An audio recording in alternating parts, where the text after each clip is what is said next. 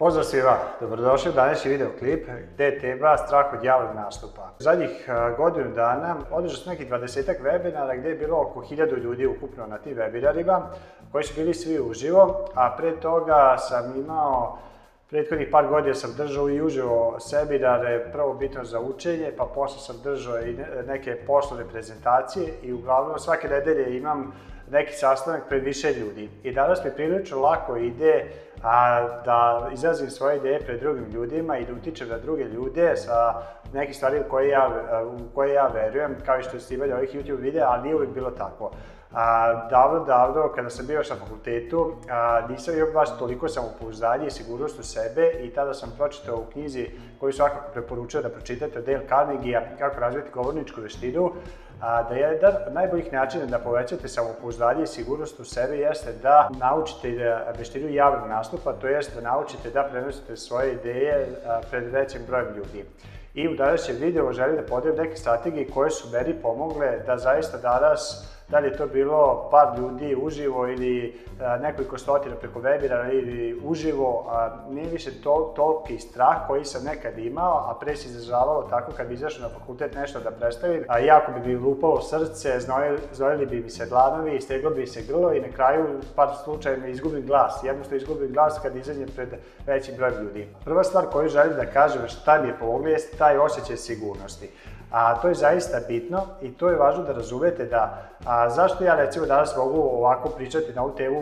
i snimati YouTube videa, zato što ja imam a, strast za ovo i zbog te strasti ja sam bio spreman da uložim sate i sate vremena učeći, čitajući, slušajući kako a, nešto funkcioniše, kako razviti sisteme, kako razviti biznis, strategiju i tako dalje, to je nešto me interesuje i zbog tog, te moje strasti, ja sam iz tog vremena koje sam uložio da dobijem što veće znanje, ta moja sigurnost u određenu tematiku je porasla do te mere da ja danas to uvek mogu podeliti sa bilo kojom osobom i to je jedan od glavnih razloga a kako da vi budete sigurni javni govornik jeste da razvijete kroz iskustvo, kroz učenje, da postanete ekspert u toj oblasti. A ako vas neka tema interesuje i ako naučite dosta o tome, onda ćete jednostavno i lako to prenesiti drugima, a veliki problem kod javnog nastupa jeste, ako bi ja sad otišao i da pričam nešto iz medicine ili iz fizike, ne bi osjećao taj, e, imaju visok nivo sigurnosti i samopoznaje zato što apsolutno ne znam ništa o toj temi. I evo sigurno način jeste da, da istražite e, i da pratite svoju strast.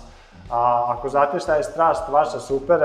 postite ekspert u toj oblasti, a danas nije teško postati ekspert, dovoljno da da pročitate par, kupite tri knjige na određenu oblast i znaćete da više od 99% ljudi. To je, na primjer, što se tiče rada na sebi, a druga stvar jeste, kad god izađete da pričate s drugim ljudima, meni je pomoglo da shvatim da a, u svakoj grupi ljudi imate a, e, pod, a, e, jednu trećinu onih kojima će svidjeti ono što vi pričate, imat ćete jednu trećinu koji će biti apsolutno ravnodušni i imat će jednu trećinu koji će vas kritikovati i osuđivati. I koliko god vi bili dobri, koliko god imali strasti i znanja u vezi te temi, koliko se potrudili i pripremili da je prenesete što više moguće, a nikad nećete uspeti da se svidite svima i meni pomaže mentalno da shvatim da šta god radim, ovdje je YouTube video ili webinar, uvek će se naći neko da, da vas kritikuje. I do sad se pokazalo a, sasvim sigurno da to postoji, jer svaki YouTube video koji snimim ili svaki webinar koji održim uvijek nađe neko da, da kaže da je ovo, da ne kažem šta sve pišu,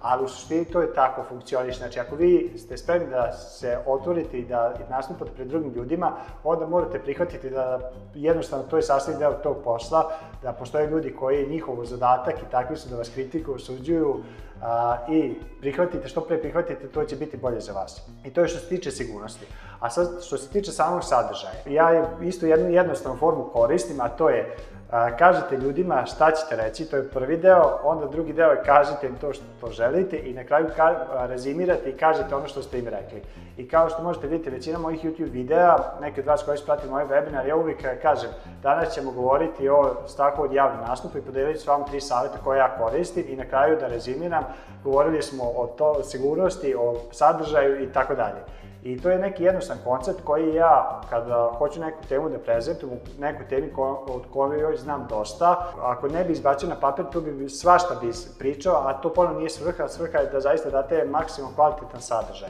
I ono što ja uradim, uzmem list papira i napišem a, jednu, dve, tri e, stavke koje, o kojima hoću da pričam, obavezno vidim da li ima neka lična priča koju želim da podelim, zato što ljudi jako vole a, e, da slušaju priče